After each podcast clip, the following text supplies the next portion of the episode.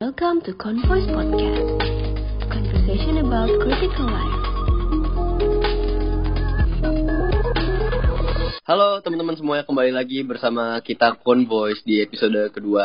Gue kali ini bakal bantuin Bagas nih kita kayak kita ngobrol-ngobrol bareng teman kita juga nih. Siapa sih Gas namanya? Namanya Hera. Yo, bener banget. Di di Converse kali ini di episode kedua kita bakal ngebahas mengenai tekanan sosial dan aktualisasi diri di masa kuliah nih. Tapi sebelum kita jauh bahas topik seperti itu, kita boleh banget nih kenalan sama Harold. Iya boleh dong Hera kenalin dong dirinya dong. Halo teman-teman, nama gue Herald. Jadi um, gue ini suka nulis, suka buat video. Kalau lu mau tahu tentang perspektif gue tentang banyak hal sih sebenarnya, terutama psikologi sama filosofi, lu bisa go check my Instagram di @herald_underscore.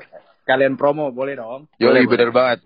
Ini ini gue gue penasaran aja sih sama lu. Lu kan Hmm. lu kan eh, banyak baca dan lu pernah pernah mempelajari tentang psikologi dan filsafat juga gitu Hmm. kan. Eh, kalau misalnya kita ngambil perspektif diri lu sebagai seorang mahasiswa biasa nih, lu Hmm. pernah nggak sih ngerasain kayak quarter life crisis di hidup lo kayak di umur lo yang sekarang eh, apa yang lo lakukan itu udah udah sesuai nggak sih sama apa yang lo mau, apa yang lo inginkan gitu. Kalau lu bilang udah tercapai, jauh dari belum dan jauh dari belum sempurna gitu.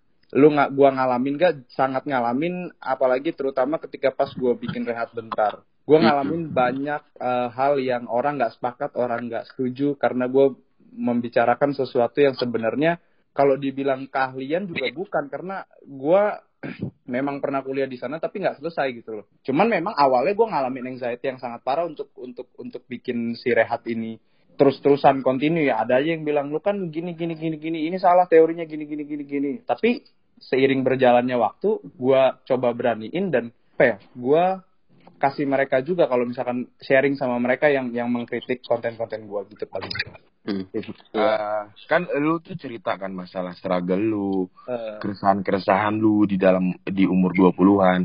hmm. Cuman ada nggak sih satu masalah yang ngebuat eh, lu tuh berubah banget gitu di dunia quarter life crisis ini? Kalau ada boleh banget nih sharing-sharing dan cara lu ngatasinnya gimana? gue terakhir ada yang mungkin ada yang tahu nggak ya gue gue terakhir buat video tentang stoikisme. Iya, Hmm. betul. Itu satu satu stoikisme itu adalah cara untuk meretas semua negativitas. Salah satunya adalah yang barusan lo omongin tentang apa namanya komparasi.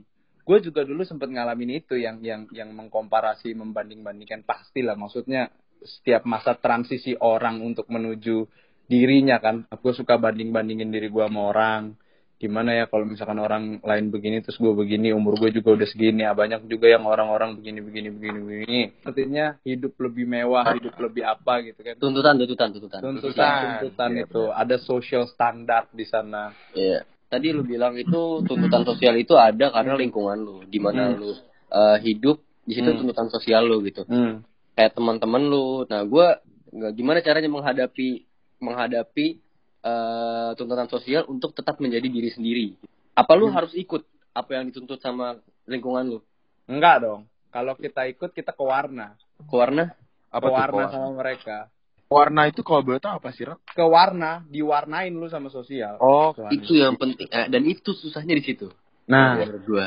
Ketika lo mau nggak terbawa atau teriringi sama eh, flow lingkungan lo yang mungkin menurut lo kurang bagus buat lo, lo harus tahu dulu apa sebenarnya diri lo itu mau ke mana, siapa diri lo, ego Yes. lo itu apa maunya. yes Makanya orang-orang tuh eh, pada kebingungan sendiri eh, apa yang harus gua lakukan, gua harus ke mana, apa namanya, gue tuh maunya apa, gue Yes. ngambil jurusan ini bener apa enggak yes itu satu sisi karena lu belum mengenal diri lo sepenuhnya gitu gue nggak bisa menge- gua nggak bisa bilang lu nggak kenal diri lo ya tapi mungkin dia pasti udah kenal seberapa dari dirinya tapi dirinya itu lebih dari apa yang dia tahu dan lu Yes. kenal itu yes agree sih gua sama itu kalau gue gue gue pribadi gue juga sempat mengalami fase yang kayak gue harus ngapain nih sekarang nih terus kayak gue gue udah umur segini terus gue mau gue tuh mau ke mana sih gitu gue ngeliat Hmm. orang-orang tuh kayak udah orang-orang tuh kayak udah eh, bisa ini bisa itu Hmm. bisa Iya.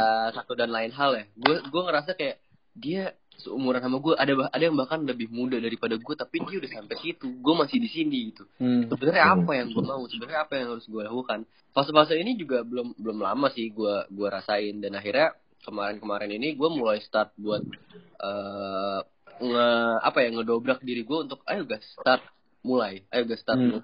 Mulai. pelajarin misalnya gue mau uh, ke arah musik gue mulai pelajarin apa sih yang harus gue lakukan kalau misalnya gue pengen recording bikin demo Hmm. lagu atau apa kayak misalnya kalau misalnya gue mau ke arah uh, art ya gue harus mulai start ayo beraniin buat mulai nih chatnya di Hmm. kanvas yuk mulai yuk di kanvas yuk pakai chat yuk jangan pakai pensil yang bisa dihapus gitu mulai pakai Hmm. kanvas atau uh, kalau misalnya uh, ngikutin saran-saran dari lingkungan gue mulai yuk digitalisasiin art lu gitu. Kita mulai pelajarin apa namanya desain desain di digital. Itu yang baru baru gua mu- baru mulai gua rasakan gitu. Dan Hmm. itu menurut gua salah satu bukti nyata yang bisa gua rasakan mengenai proses aktualisasi diri gua. Hmm. Gua pernah dapet tuh juga tulisan dari sosial media apa intinya semua jalan orang itu beda-beda. Hmm. Ada yang dia bakalan lebih duluan daripada lu, ah, dan lu bisa aja lebih duluan daripada orang-orang sekitar lu atau lu bakal ketertinggalan banget. Hmm.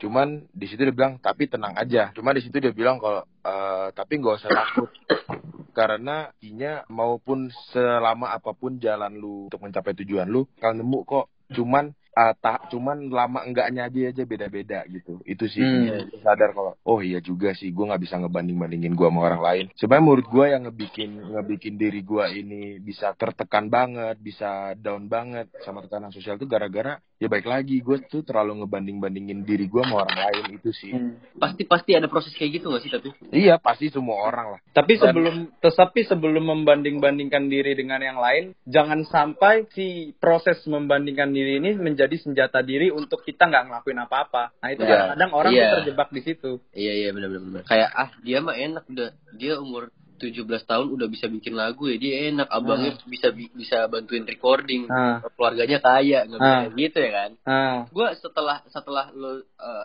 membandingkan diri itu menurut gue sangat fine. Dan itu malah mungkin bisa jadi harus kalau menurut gue ah, karena dari situ lo tahu porsi lo di mana lo tahu posisi lo udah di mana. Kalau misalnya lo naskar at least lo tahu lo udah di lab berapa gitu. Iya. ah. nah kalau udah kalau lo udah membandingkan diri jangan stop di situ tapi lo lanjutin nah di situ baru lo taruh tekad di situ Yes. menuju ke sana tuh maybe not today, maybe not tomorrow atau maybe bukan bulan depan dan tahun depan, tapi gue berjanji sama diri gue sendiri bahwa gue akan sampai sana. Intinya kurang lebih sebenarnya adalah ketika lo ngerasa merasakan tekanan sosial atau quarter life crisis, jangan terlalu jangan terlalu dijadikan itu sebagai pikiran yang berlebih karena sejatinya semua orang merasakan itu gitu kan. Jangan jangan ragu untuk nyari tahu lah intinya gitu kan. Yoi. Uh, thank you juga buat semua teman-teman Convoys yang udah dengerin podcast kita. Semoga uh, podcast ini bisa bermanfaat buat kalian dan bisa nemenin lo kapan aja. Terima kasih kerja keras kalian. Mungkin itu aja. Gue Zevin Gue Bagas. dan bintang tamu kita Herald Faranika. See you guys. Sampai jumpa di episode selanjutnya.